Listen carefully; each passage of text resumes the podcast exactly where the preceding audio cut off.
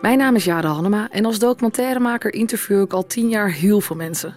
En de allermooiste verhalen komen als je de tijd hebt iemand echt te leren kennen. In deze podcast Wie ben ik echt neem ik die tijd. In gesprek met bijzondere gasten ga ik erachter komen hoe zij de zoektocht naar zichzelf hebben afgelegd. Want door naar anderen te luisteren kom je ook steeds meer over jezelf te weten.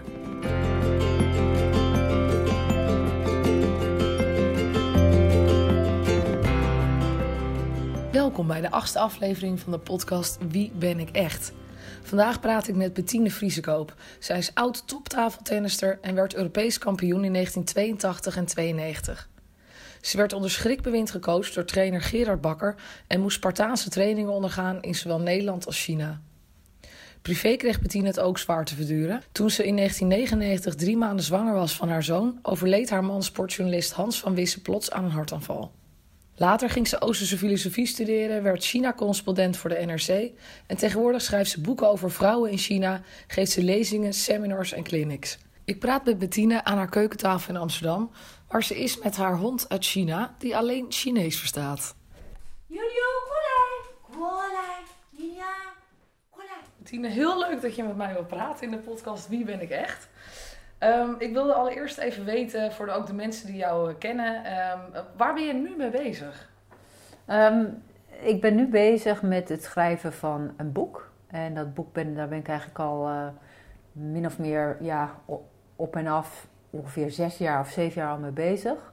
En het uh, boek gaat over Pearl S. Buck. En ik ben door haar geïnteresseerd geraakt toen ik met mijn vorige boek bezig was, Dochters van Mulan. En toen dacht ik dat het een soort combinatie zou worden van door de ogen van Pearl Buck naar de huidige positie van de vrouw in China kijken. Maar dat lukte niet echt. Dus toen uh, had ik dat boek af, Dochters van Mulan. En toen kon ik eigenlijk niet stoppen denken aan Pearl S. Buck en haar leven. En daar wilde ik eigenlijk veel meer over weten. En nou ja, toen ben ik uiteindelijk heb ik besloten om ook een biografie, een soort reisbiografie over Pearl Buck te schrijven. En de oudere luisteraars die weten misschien nog wel wie zij uh, was. Uh, de jongen niet meer. Dus jou, Nee, voor jouw generatie niks. Zegt dat jou ook niks. En dat is ook precies de bedoeling waarom ik het wil schrijven. Want ik hoop dat ik, ik schrijf het uiteindelijk voor de oudere generaties, 50 plus zeg maar. Maar ik hoop natuurlijk dat het dan ook weer bij de jongere generaties terechtkomt. En dat zij ook geïnteresseerd raken in haar leven. Want zij heeft wel een hele belangrijke rol gespeeld in de beeldvorming over China. Maar ook ehm, het formuleren en het, eh, eh, ehm, ja, het, eh, het vormgeven van de universele verklaring van de rechten van de mens. Daar heeft zij heel veel aan bijgedragen in samenwerking met de vrouw van eh, Franklin Roosevelt, Eleanor Roosevelt. En zij heeft heel veel voor de positie van de vrouw in Amerika en in China gedaan. En ehm, de Nobelprijs gekregen voor haar boeken over China. Wauw, oh, dus dat is wel iets wat de jongere generatie inderdaad echt wel zou, uh, zou moeten weten. Nou, het is wel uh, frappant dat als je dan met zo'n leven bezig bent, dat je denkt van goh, zo'n enorm belangrijk persoon. Want ze was eigenlijk een van de belangrijkste personen in, uh, in Amerika van dat moment. Ze was altijd in de lijst van tien, ze altijd op de eerste of de tweede plaats. En ook is ze de meest vertaalde schrijfster, Amerikaanse schrijfster. En best verkochte boek, De Goede Aarde, op één na Gone with the Wind. En dan denk je van deze generaties weten gewoon helemaal niet meer wie zij is. En dan word je ook wel weer geconfronteerd met de vergankelijkheid van de dingen. Want dat is toch onvoorstelbaar eigenlijk dat dat kan bestaan. Dat iemand gewoon helemaal niet meer wordt gekend. En door het schrijven van het boek kom ik ook in aanraking met heel veel andere beroemde namen. En dan ga ik dat googlen en dan weet ik ook niet meer wie dat zijn. Nee. Uh, dus ik zelf ben natuurlijk alweer een generatie ouder of twee generaties ouder dan jij bent. Maar voor mij geldt dat natuurlijk ook met namen die eerder bekend waren. Ja, en dat geldt natuurlijk ook een beetje voor jou. Want uh, mijn generatie weet niet meer wie jij bent. Maar als ik inderdaad met iemand praat van 40 plus, Bettine Vriesekoop, ja, dat was, dat was je van het de tafeltennister ja. van, de, van de wereld. En in ja. Nederland natuurlijk. En hoe, hoe, hoe sta jij daarin? Dat jij nu dus zeg maar niet meer ja, onder deze generatie bekend bent? Nou, dat realiseer ik me ook toen ik al jong was. Uh, realiseerde ik dat al lang. Dat dat... Heel vergankelijk was en dat dat ook zou gebeuren. En uh, ik, ik heb het ook nooit om de roem gedaan. Ja, ik heb uiteindelijk mijn voordeel mee gedaan, want ik heb keihard voor gewerkt en ik doe mijn voordeel erbij door, doordat ik natuurlijk mijn netwerk heb uitgebreid daardoor. Maar roem aan zich, dat zegt mij helemaal niks. En uh, dat vind ik eigenlijk wel fijn dat een heleboel mensen... wat vroeger als ik in de stad liep of zo... dan kon ik daar niet eens rustig lopen. Iedereen kende me. En nu helemaal niet meer bij. Nou ja, tenzij een keer weer op tv komt, dan is dat twee dagen zo. En daarna is het ook niet meer, is het ook weer weg. Mensen hebben een hele korte memorie. Dat blijkt gewoon. Dus, uh, en dat wordt alleen maar erger door alle brei van informatie die elke dag op de mensen wordt afgevuurd. Dus ze hebben natuurlijk maar gewoon een selectief geheugen. Dus nou, gelukkig maar. Ja, dat is ja. lekker zo. Hoe kijk jij naar de sport uh, vandaag de dag? heb jij daar een ander gevoel bij dan to toen jij aan de top stond? Dat het veranderd is op een of andere manier? Nou, er veranderen dingen, maar er zijn ook dingen die hetzelfde blijven. Dat is met alles zo, denk ik. Um, wij denken wel dat we alles opnieuw uitvinden, maar dat, uh, dat is ook weer niet zo. Hè? Uh, dus uh, als ik kijk naar mijn sport, is wel sneller geworden. Het materiaal is sneller geworden. Daar heb ik zelf ook een aantal ontwikkelingen van meegemaakt. Maar ja, de tafel is nog even groot, het netje is nog even hoog. En je moet nog, nou, nu moet je 11 punten maken. In mijn tijd waren dat 21 punten om een game te winnen. Maar alle processen die je door moet doorlopen en alle wetten van de topsport, die blijven gewoon hetzelfde. En natuurlijk uh, komt er social media bij. Dus op het moment dat iedereen zich meer met uiterlijk en meer met social media mee, uh, zich daarmee bezig gaat houden, gaat het niveau ook naar beneden. Dat, hè, en dan kan je, als je het doet, kan je alsnog winnen, bij wijze van spreken. Terwijl ik denk van, het is nog dan om dat te doen. Maar als je dan kijkt naar China bijvoorbeeld, uh, die doen dat niet. Uh, die doen dat met, heel erg gedoseerd en zijn heel erg veel meer met hun sport bezig dan met al die randverschijnselen. En je ziet ook dat in mijn sport dan, die ook gewoon verre, verre weg en waar de beste zijn. En als ik daar naar kijk, zeg, dan denk ik dat zijn topsporters en de anderen eigenlijk nog niet. Als je begrijpt wat ik bedoel. Dus dat verlegt zich. Ja? Dus in mijn tijd, toen ik uh, aan, aan topsport ging doen, toen ging ik ook me anders gedragen dan de meesten. Maar dat had weer een hele andere vorm dan nu. Dus ik was uh, ja, gewoon uh, zes uur per dag aan het trainen. Enorm veel conditie werken. Zeven uur per week, minstens zo'n zo beetje tien uur alleen maar conditioneel. En dat deden anderen niet. Dus daarvoor kwam, kwa, daarvoor kwam ik weer bovendrijven. En je ziet nou eigenlijk dat iedereen ongeveer hetzelfde doet in Europa. Maar in China doen ze dan weer veel meer. En als je gewoon hetzelfde doet, ja, dan is het de ene keer win die en de andere keer win die. Maar ik was gewoon eigenlijk tien jaar lang echt duidelijk de, wel de beste. Doordat ik gewoon veel meer deed dan anderen. Maar eigenlijk omdat jij op Chinees niveau aan het werk was en niet op Europees niveau. Ja, maar zelfs eigenlijk nog uh, op Chinees niveau nog, nog, meer, nog harder werken dan de Chinees. Want ik ben daar gaan trainen. Ja. En in mijn tijd dacht ik van ja, de Chinese trainen natuurlijk heel veel uren.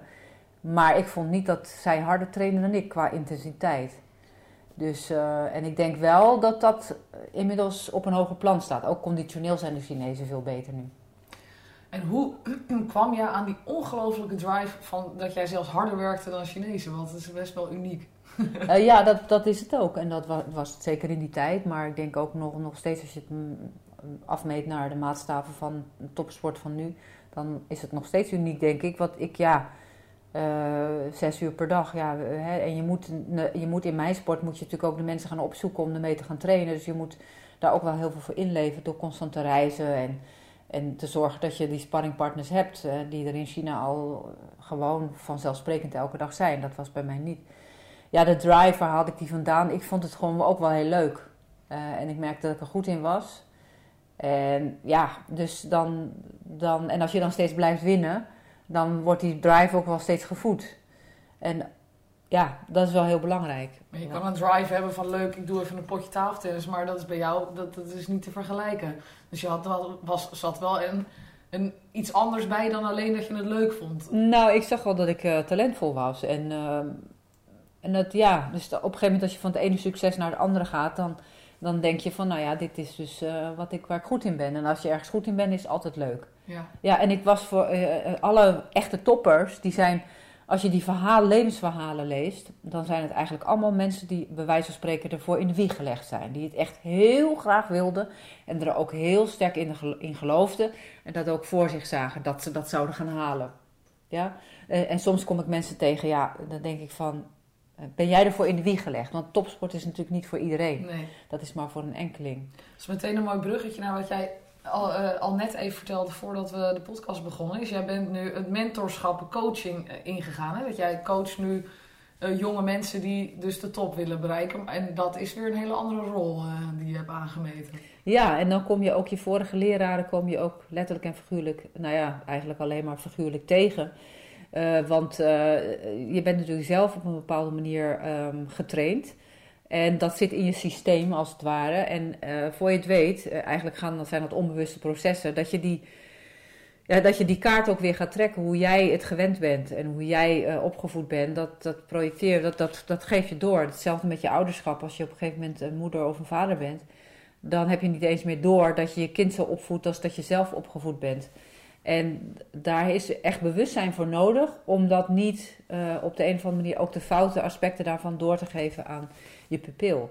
Dus ja, dus ik ben daar wel heel erg alert op. Ja, want jij bent heel streng getraind vroeger, Ja. toch? Dat was Ja. bekend. Dat Ja, dat eh, best klopt. wel een strafkamp eh, idee was in China, toch? Toen jij daar trainde vroeger. Ja, natuurlijk. Eh, dat, ik ben heel hard aangepakt. En dat was ook in die tijd misschien eigenlijk wel makkelijker eh, eh, te bewerkstelligen dan nu. Want het is, de maatschappij is wel heel erg veranderd. En het is natuurlijk allemaal... Ja, eh, alles gaat veel makkelijker. Je hebt alles, je hebt de hele wereld heb je in je hand met je mobiele telefoon. En eh, dus eh, er is een ander soort perspectief, een ander soort, eh, hoe zeg je dat, referentiekader voor kinderen. En dus dat, is, dat is wel anders. En, en dat, daar moet je ook als trainer op de een of andere manier in laveren. En ja, hoe doe ik dat? Soms heb ik waarschijnlijk ook niet door dat ik te hard ben. Want ik, ik, ik teken heel erg in mijn gezicht. Dus als ik boos ben of als ik een bepaalde emotie heb, dan zien mensen dat heel snel. Ik kan dat niet zo goed verbergen. Ja, dat is ook wel oké, want dan zie, je, eh, dan zie je ook meteen eh, wat je in de kuip hebt, zeg maar, wat voor vlees je in de kuip hebt. Dus, ehm, maar dat is natuurlijk, soms kan het ook, dat, terwijl ik het zelf niet eens door heb, ook, terwijl ik het ook helemaal zelf niet zo bedoel, kan het wel zo opgevat worden. Hè? Als een eh, te, te kritisch of te hard of eh, te drammerig of wat dan ook. En dus ja, hoe ik dat oplos is dan to- toch wel door vragen te stellen. En ja, die vragen, eh, daar moet je ook mee oppassen. Want ja, je moet natuurlijk ook, ook wel op een gegeven moment ehm, ja, ehm, iemand uit zijn comfortzone krijgen. En als, iemand, als je iemand vragen stelt, dan zal die natuurlijk ook ehm, ja, sociaal wenselijk gedrag misschien of antwoorden geven. Dus dat is best wel een ding. En eh, nou, als je het leuk vindt, want ik was net vanmorgen aan het lezen. Ja. Eh, over, ik ben bezig in het boek van Ian Burema, Tokyo, Tokyo Mon Amour. En eh, nou, hij vertelt iets over de manier waarop Japanners ehm, omgaan met het leerproces. Ja? Dus ehm, hoe ehm, leraren omgaan met hun pupillen. Nou, er staat hier bijvoorbeeld, hij moest... ehm, hij was een assistent van een eh, beroemde fotograaf. En hij moest dat vak leren, maar hij was er heel erg onhandig in. En hij deed ook de verkeerde dingen volgens hem. En eh, nou, toen kreeg hij dit uitgelegd. Ik werd namelijk geacht te leren door alles zwijgend na te doen. Zoals alle leerlingen in Japan. Je stelt geen vragen, er wordt niets uitgelegd. Een vaardigheid krijg je onder de knie door de beweging van de leraar na te doen. Het wordt met je lichaam leren genoemd. Sushi-koks doen het ook. Maar die krijgen daar wel veel langere tijd voor dan mij ter beschikking stond. Een leerling-kok is jarenlang alleen rijst aan het mengen en gember aan het raspen voordat hij ook maar in de buurt van een snijplank mag komen. Het eindeloos herhalen van een simpele taak en afgeblaft worden door je leidinggevende wordt als een vorm van psychologische, of zoals sommige Japanners zouden zeggen, spirituele training gezien. De doorstaande ontberingen gelden als een bewijs van toewijding. Ja. ja. En dat is zoals Ja, ze in mooi. Azië met Ja. leren omgaan. En dat is natuurlijk bij ons gewoon totaal anders. Wij mogen eigenlijk alles al meteen doen, toch? In de keuken mag je Ja, en als het dan niet gelijk lukt, dan, eh, dan worden, worden leerlingen ook gelijk gefrustreerd. Want het Ja. moet dus, dus van de ene dag op de andere dag ehm, moet het ge- ge- gekend zijn. En zeg dat maar, merk je hè. ook En- in de sport, dat mensen Ja, het geduld, nou, eh, het ja. geduld is er. Hè, overnight willen ze ergens goed in zijn. Ja. En als ze dan niet worden, dan... Dat, hè, dat van sommige dingen, eh, daar gaan jaren, jaren leren. Hè, en jarenlang kijken. En soms doe ik het ook voor. Dan zeg ik tegen mijn leerling, niet omdat ik dan wil zeggen... oh, mijn borst wil slaan van kijk naar mij eens doen. Maar dan eh, zeg ik tegen mijn leerling van... oké, jij gaat nu een wedstrijdje tegen deze doen.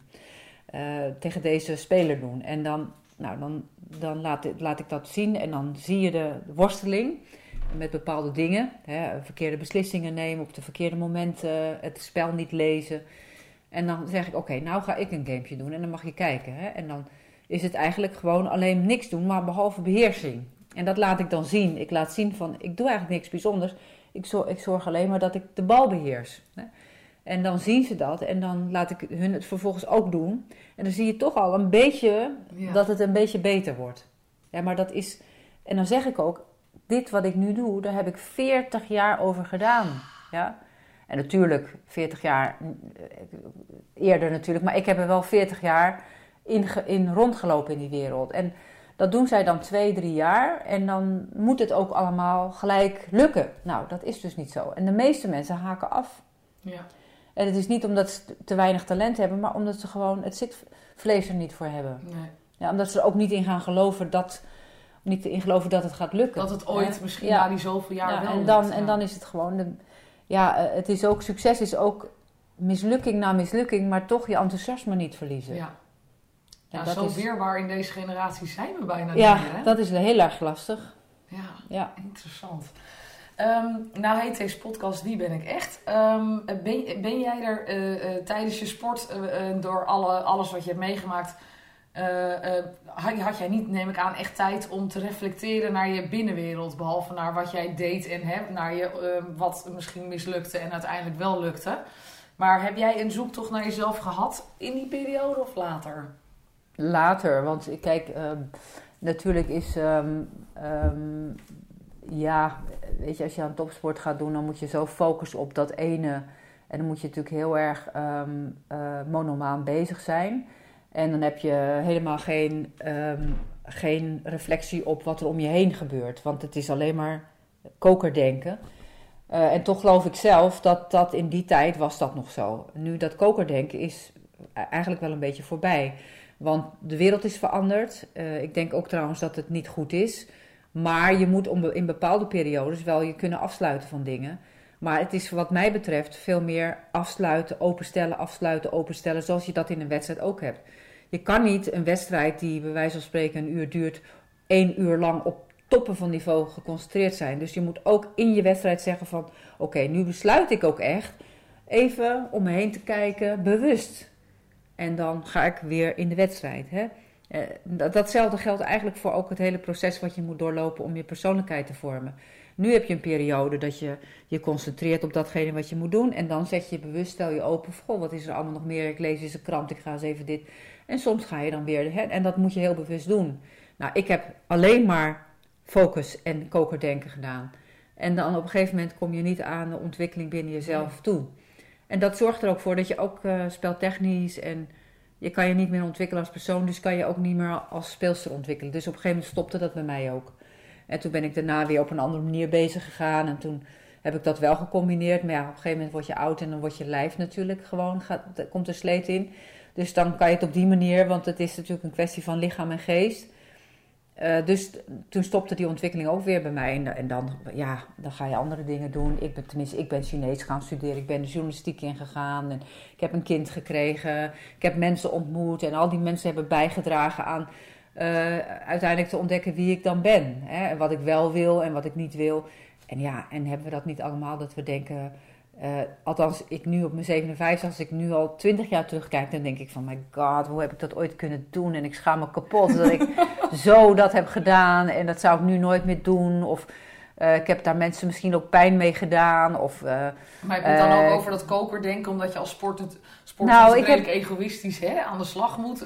nou, egoïstisch wil ik niet zeggen, want je moet eigenlijk je ego behoorlijk aan de kant zetten. En zeker in wedstrijden, want als je gaat denken, ik wil nu winnen, gaat het natuurlijk niet lukken. Nee, je moet het opdragen aan iets hogers. Je moet het opdragen aan het spel, bij wijze van spreken. Je moet één worden, je ego moet helemaal vervloeien in dat spel. Dus het is ook heel ingewikkeld van ego en niet-ego. en dat is, daarom is dat heel moeilijk. Maar doordat ik later, mm, hè, bijvoorbeeld met partners hè, of met, met gewoon relaties ben begonnen ja, eh, ben ik ook veel later uh, gaan ontdekken van wat voor andere persoon ik nou bijvoorbeeld leuk vind of nodig had voor mijn ontwikkeling of wat beter bij mij paste. Dus daar heb ik dus ook uh, veel fouten in gemaakt die een ander misschien veel jonger maakt en waardoor het ook nog vergeven wordt, zal ik maar zeggen. dus, ja, okay. ja dus, uh, dus, dus dat proces is bij mij pas na mijn dertigste begonnen.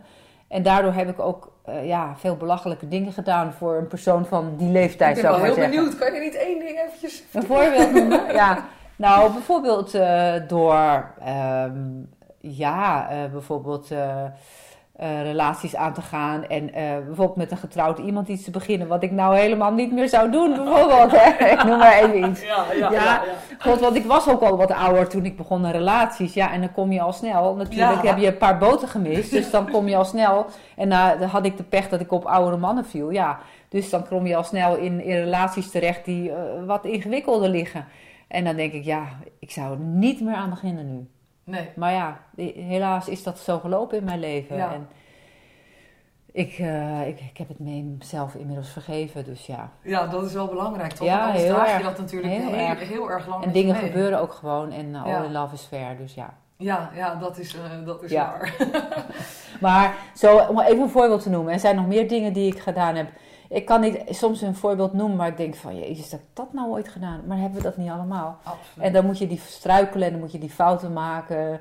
En dan denk je van, ja, nou ja, ik zou het nu niet meer doen, gelukkig. En waardoor ik nu eh, het, ja, het heilzame van het ouder worden kan ervaren. Ja, ik ben 57 en een ander zou die ervaring misschien al hebben als hij 47 is. Maar ja, ik heb toch nog wel... En ook bijvoorbeeld met de opvoeding van mijn kind. Maar dat hebben we ook allemaal... Ik heb het helemaal alleen moeten doen. Ja, Dus ja, daar heb ik ook fouten in gemaakt. Maar dat maakt ook dat je nu kan zeggen van... Nou, ik ben wel gelukkig in staat om te leren van mijn fouten. En te zeggen van, nou, dat doe ik nu niet meer. En dat was niet goed dat ik dat deed.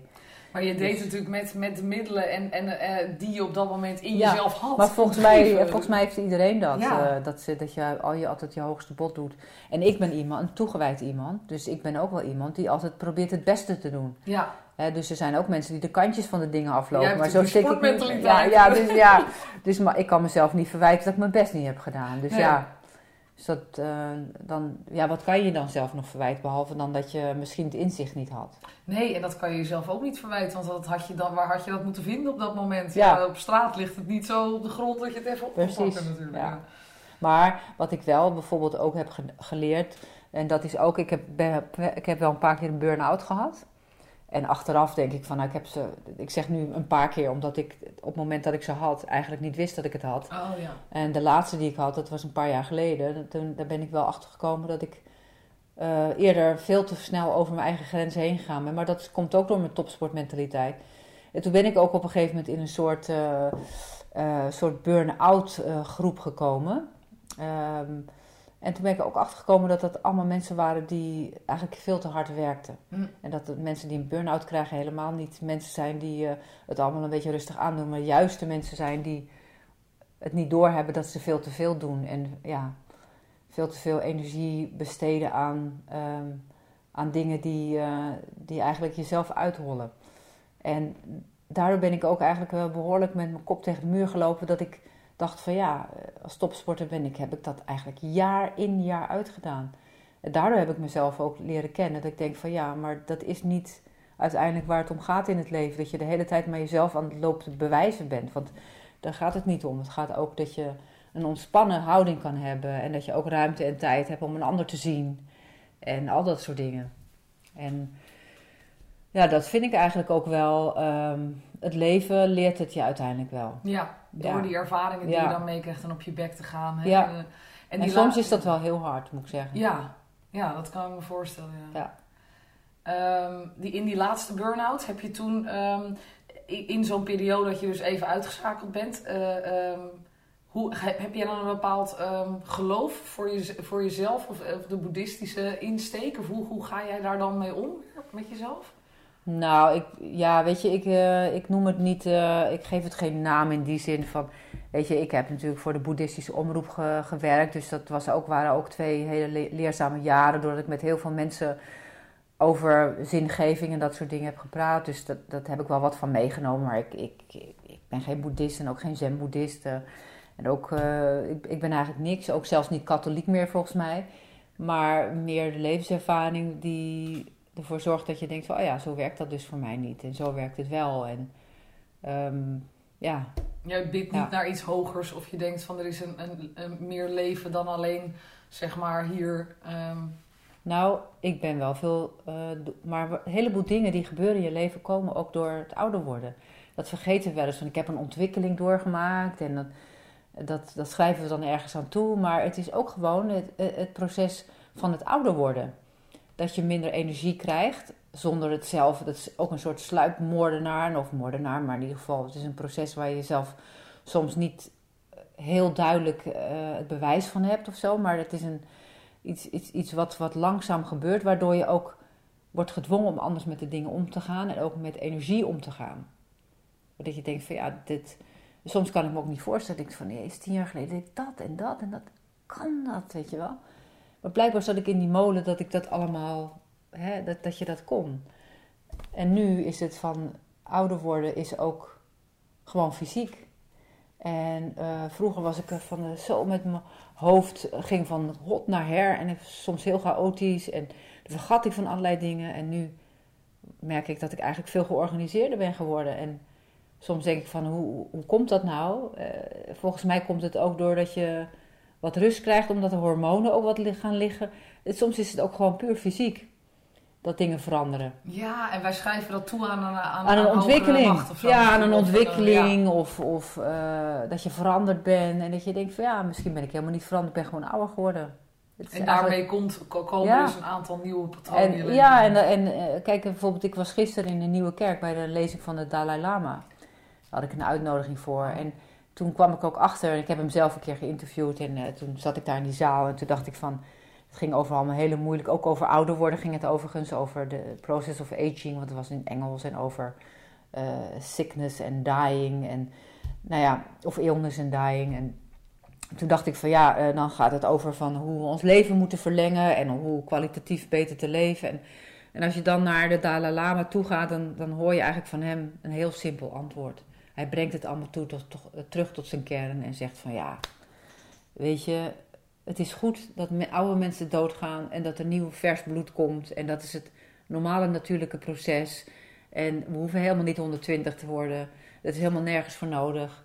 En uh, oké, het is fijn als we 90 kunnen worden en nog steeds heel gezond. Ja, hè, maar het is ook goed als de mensen gewoon weer verdwijnen van deze planeet, want er is ook overbevolking. Het is heel simpel. Ja. Weet je, en uh, hij zei van ja, dat, hij zei ook op een gegeven moment, dat heb ik ook geleerd door ouder worden. Dit, het is, we maken het soms moeilijker dan het is, laat ik het zo zeggen. Ja, maar dat is volgens mij ook een beetje mens eigen om altijd een beetje het drama op te zoeken, toch? Want vaak, wat ik ook merk, als het, het leven een tijdje lang relaxed, fijn gaat, dan denk je bijna van, waar is het addertje onder het gras? Wanneer komt dat drama weer in je leven? Omdat je dat ook gewend bent, dat dat zo altijd in een soort golfbeweging uh, is. Uh, en dat het geen vlakke lijn kan hebben of zo. Of vlakke lijn of een piek, gewoon één grote piek. Dat dat, dat, dat op een of andere manier niet. Nou, ik ben altijd wel op mijn hoede van wat gaat er nu weer gebeuren. Maar ik geniet ook van elke dag dat het niet gebeurt. En dat het rechts rustig is. Terwijl ik vroeger dat dacht, waarom gebeurt er niks? uh, dus ja, en dat is gewoon... Volgens mij is dat geen ontwikkeling, dat is gewoon ouder worden. Heel simpel.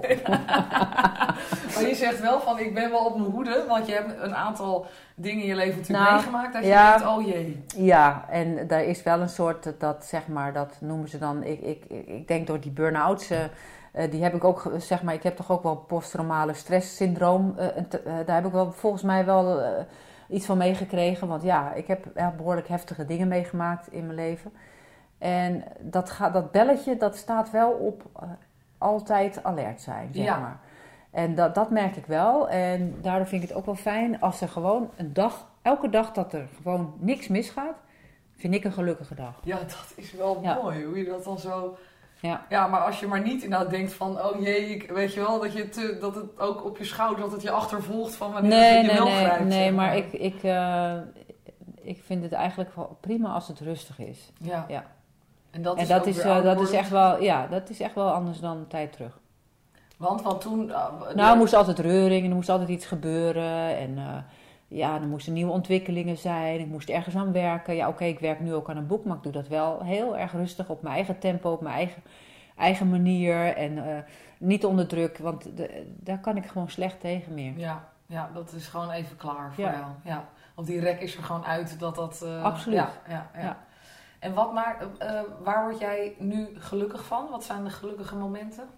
Nou, dat eigenlijk, dat het rustig is en dat ik, uh, als ik buiten loop met een wandeling en uh, dan, dan, dat ik aandacht voor de dingen kan hebben. En ja, het klinkt heel belegen en oudbollig en zo, maar uh, ik denk van nou, dit is, ja, dat ik rust kan vinden. En in een bos lopen of zo. Of lekker zondagochtend zoals we nu zitten aan een ontbijtje. En eh, ja, aandacht en, eh, en rust. En eh, ehm, ja, ja, geen ruzies of heftige emoties of wat dan ook. Dat, nou, toch wel een beetje het boeddhistische van het leven in het moment en het, en het in het nu zijn met wat er gebeurt. De nou ja, dingen, zeg maar. Ja, ja, want dat is eigenlijk al bijzonder genoeg. Want wij denken van dat er al, maar daarom snap ik ook mensen die van, ik bedoel, ik snap het wel dat mensen van allerlei drugs gaan gebruiken of eh, van allerlei heftige ervaringen hebben. Maar ik denk van het wereld, de wereld en alle ervaringen die je, alle prikkels die je krijgt, die zijn eigenlijk al zo bijzonder. Dat ik niet snap dat mensen nog meer moeten voelen om, om, eh, om van allerlei nieuwe ervaringen te hebben. Of, ja, dat, ik, ik ben al blij dat ik dat, uh, dat ik dat zelf kan op de een of andere manier um, kan ervaren hoe bijzonder het allemaal is. Ja, ja snap ik. Mooi. Um, jij hebt vroeger je partner verloren. Uh, um, uh, ben jij zelf bang voor de dood geworden door zo'n ervaring? Of, of kijk je er niet zo naar? Nee, op dit moment ben ik nog steeds, heb ik nog steeds heel veel dingen te doen in mijn leven. Bijvoorbeeld de doelen die ik heb ook al zijn die niet heel ambitieus meer. Want ik denk van ja, oké, ik, vind het leuk om ergens mee bezig... Ik, vind het heel erg leuk om te lezen. Ik vind het heel erg leuk om, uh, om het, leven, het leven van mensen en, en van mensen en, en hun ervaringen, vooral andere culturen en uh, andere manieren waarop je naar dingen en naar mensen kunt kijken, uh, constant daarover te lezen en mee bezig te zijn, dat vind ik heel bijzonder. En um, Um, dus dus dat, dat, dat vind ik fijn, maar ik heb geen hoge doelen meer of zo. Dat, nee. Nee. Uh, en, um, maar je was eigenlijk aan het vragen, of je vroeg eigenlijk van of ik dan dood, bang voor de dood ben. Ik ben dus bezig met die dingen die ik nog te doen heb in het leven om, om die te voltooien, zou ik maar zeggen. Um, maar of ik dan bang ben, ben voor de dood, ik schuif het nog wel graag een tijdje, liever een tijdje voor me uit. Ja. Maar of ik daar bang voor ben, dat weet ik eigenlijk niet zo. Nee. Ja, Dus, ja, het is meer een angst voor het onbekende vaak. Hè? Als mensen bang zijn, ja, waar, ja het is een beetje iets, iets heel raars. Ja. Nou, je wil graag contact, je wil graag, ik wil tenminste, ik wil graag met mijn dierbaren me verbinden. En, maar als ik op een gegeven moment nog verder in mijn leven kom en een heleboel mensen gaan wegvallen, dan heb ik misschien ook veel makkelijker, ga ik het dan accepteren dat ik er dan ook niet meer ga zijn. Want volgens mij ben je toch iemand uh, ook in relatie tot je omgeving. Ja, dat is wel een interessante opmerking. Want um, uh, dat, dat, dat wordt vaak gezegd als je in eentje op een berg uh, zit. ben je dan wel? Want je bent niet in relatie tot iets anders. Ja, tot de bomen om je heen of zo. Dat is ook een soort relatie. Maar dat is wel grappig dat je dat zegt. Van, ja, je bestaat door de ogen van een ander of zo eigenlijk. Hè? Of dat, dat, die verbinding met de anderen. Ik denk dat dat ook heel... Dat heb ik zelf natuurlijk ook ervaren doordat Hans, dus de vader van mijn zoon, is overleden. En dat je dan... Een, een, hele tijd heb ik het leven helemaal niet meer leuk gevonden. Maar goed, toen kreeg ik mijn kind natuurlijk weer. Dus toen kwam er een andere invulling en eigenlijk een andere... Iemand voor, voor wie ik moest zorgen en uh, met wie ik me verbonden voelde. En, en ja, en, en, zo zijn er meer mensen met wie... Uh, die, ja, die er altijd zijn. Ik had dat toevallig gister, gisteravond nog over van... Uh, over mijn moeder bijvoorbeeld. Ja, die is toen ik 36 was overleden. En dan denk je heel snel van, of heel vaak denk ik van, uh, je gaat door in het leven en je bent met dingen bezig. Maar er zijn van die stille momenten dat je haar afwezigheid ervaart. En dan voel je toch wel een gat inderdaad. Van goh, zij was er altijd vanaf jongs af aan. Ze was een, een vanzelfsprekendheid. En nou oké, er komen nieuwe mensen in je leven, maar ik kan me zo voorstellen dat ik aan het eind van mijn leven al die mensen met wie ik nog een verbinding heb aangegaan, dat die gaan wegvallen. En hoe moeilijk het is natuurlijk om, als je ouder bent, om die nieuwe verbindingen nog aan te gaan. Ja. Die diepe verbindingen, die, uh, ook die bloedbanden natuurlijk, die er dan niet meer zijn. Ja, dan denk ik dat ik niet zoveel moeite heb om zelf ook te gaan. Dat geloof ik niet. En heb jij uh, dan het idee dat je als je uh, sterft, dat je als energie weer verder gaat? Of dat is het gewoon licht Ik denk mijn energie, die ik, de dingen die ik hier heb gedaan in mijn leven, die zullen een tijdje nog een invloed hebben. En, en, en ook, die zullen zeker weer, ook al wordt het steeds fijner, die, die, de energie, maar dat wordt wel doorgegeven, dat geloof ik wel. Maar ik ben zelf weg. Ja, ik ben, ik ben klaar. En het is niet dat jij je dierwaarde dan weer ergens gaat zien, zeg maar, in het eh, grote hemel. Nee, absoluut niet. Nee, dat nee, geloof ik niet. Nee. Want jij hebt ook nooit ja- haar, eh, je moeder bijvoorbeeld gevoeld eh, toen zij... eh, Ik kan nog heel makkelijk met haar verbinden. Ja, Maar ze is ook heel ver weg. ja. En, maar ik kan wel denken van, goh, dit zou mijn moeder denken. Of dit heeft mijn moeder me meegegeven. Of dus in die zin is ze er nog wel. ja, dus ze bestaat ook doordat jij aan haar denkt natuurlijk nog. Ja, doordat ik ben ja. wie ik ben door haar. Ja, precies. Ja. Ja. Dat is mooi, ja. Ik heb als laatste vraag nog of jij misschien een tip hebt voor mensen die ehm, met zelfontwikkeling bezig zijn. Dat vraag ik eigenlijk aan iedereen. Van, soms weten mensen niet zo goed hoe ze moeten beginnen. Of, hè, of je komt op latere leeftijd pas achter, nou dat zullen meer mensen hebben. Van, oh god, ik moet toch eens even naar binnen gaan kijken, want ik heb zo mijn leven eh, anders ingericht. Hoe, hoe moet je dan beginnen? Gewoon zoals een boek begint. Ja, dus gewoon, kijk nou hoe een boek begint. Ja, je begint altijd bij het begin. Nooit bij, ja, soms bij het einde, maar ik bedoel, eh, een boek eh, begint op een bepaalde manier. En als je het begin hebt en het einde, dan kan je ook een boek schrijven. Dus je moet wel weten hoe je gaat beginnen en je moet het einde al zien. En daartussenin komt het vanzelf. Dat is mijn ervaring. en Dat heb ik ook ervaring in de topsport. Je gaat beginnen. Je gaat beginnen met wat je doet. Dat hoor je ook van je leraar. Maar je moet wel het einde zien. En dat, in dat einde moet je ook heilig geloven. Dat moet je ook zien voor je zien. Als je het niet kan voor je zien, dan gaat het ook niet gebeuren. Dus echt een visualisatie van waar jij wil staan. Ja, dat is echt nodig. Bij alles wat je wil bereiken, als we het dan over bereiken hebben, want voor, voor, voor mij is het bereiken een beetje weggevallen hoor. Want het bestaat eigenlijk helemaal niet. Het is namelijk je, zeg maar de manier waarop jij het vormgeeft. En als je het zelf niet kan zien, dan kan je het ook niet vormgeven. Dat weet ik 100% zeker. Dat heb ik ook zo ervaren. Alle dingen die ik heb bereikt, heb ik ook voor me gezien.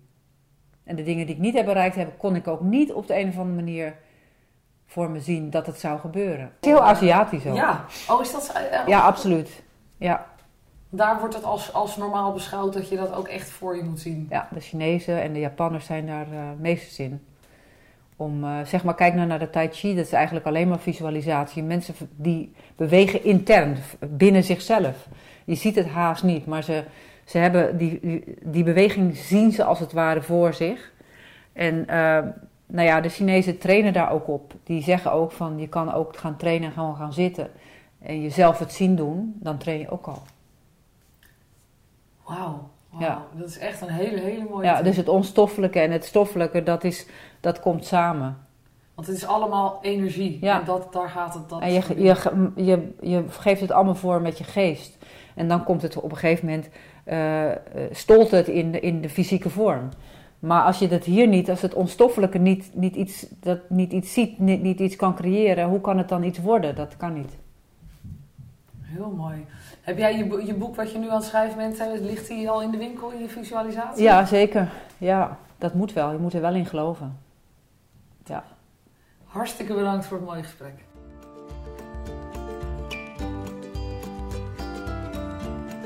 Bedankt voor het luisteren naar deze aflevering van Wie ben ik echt?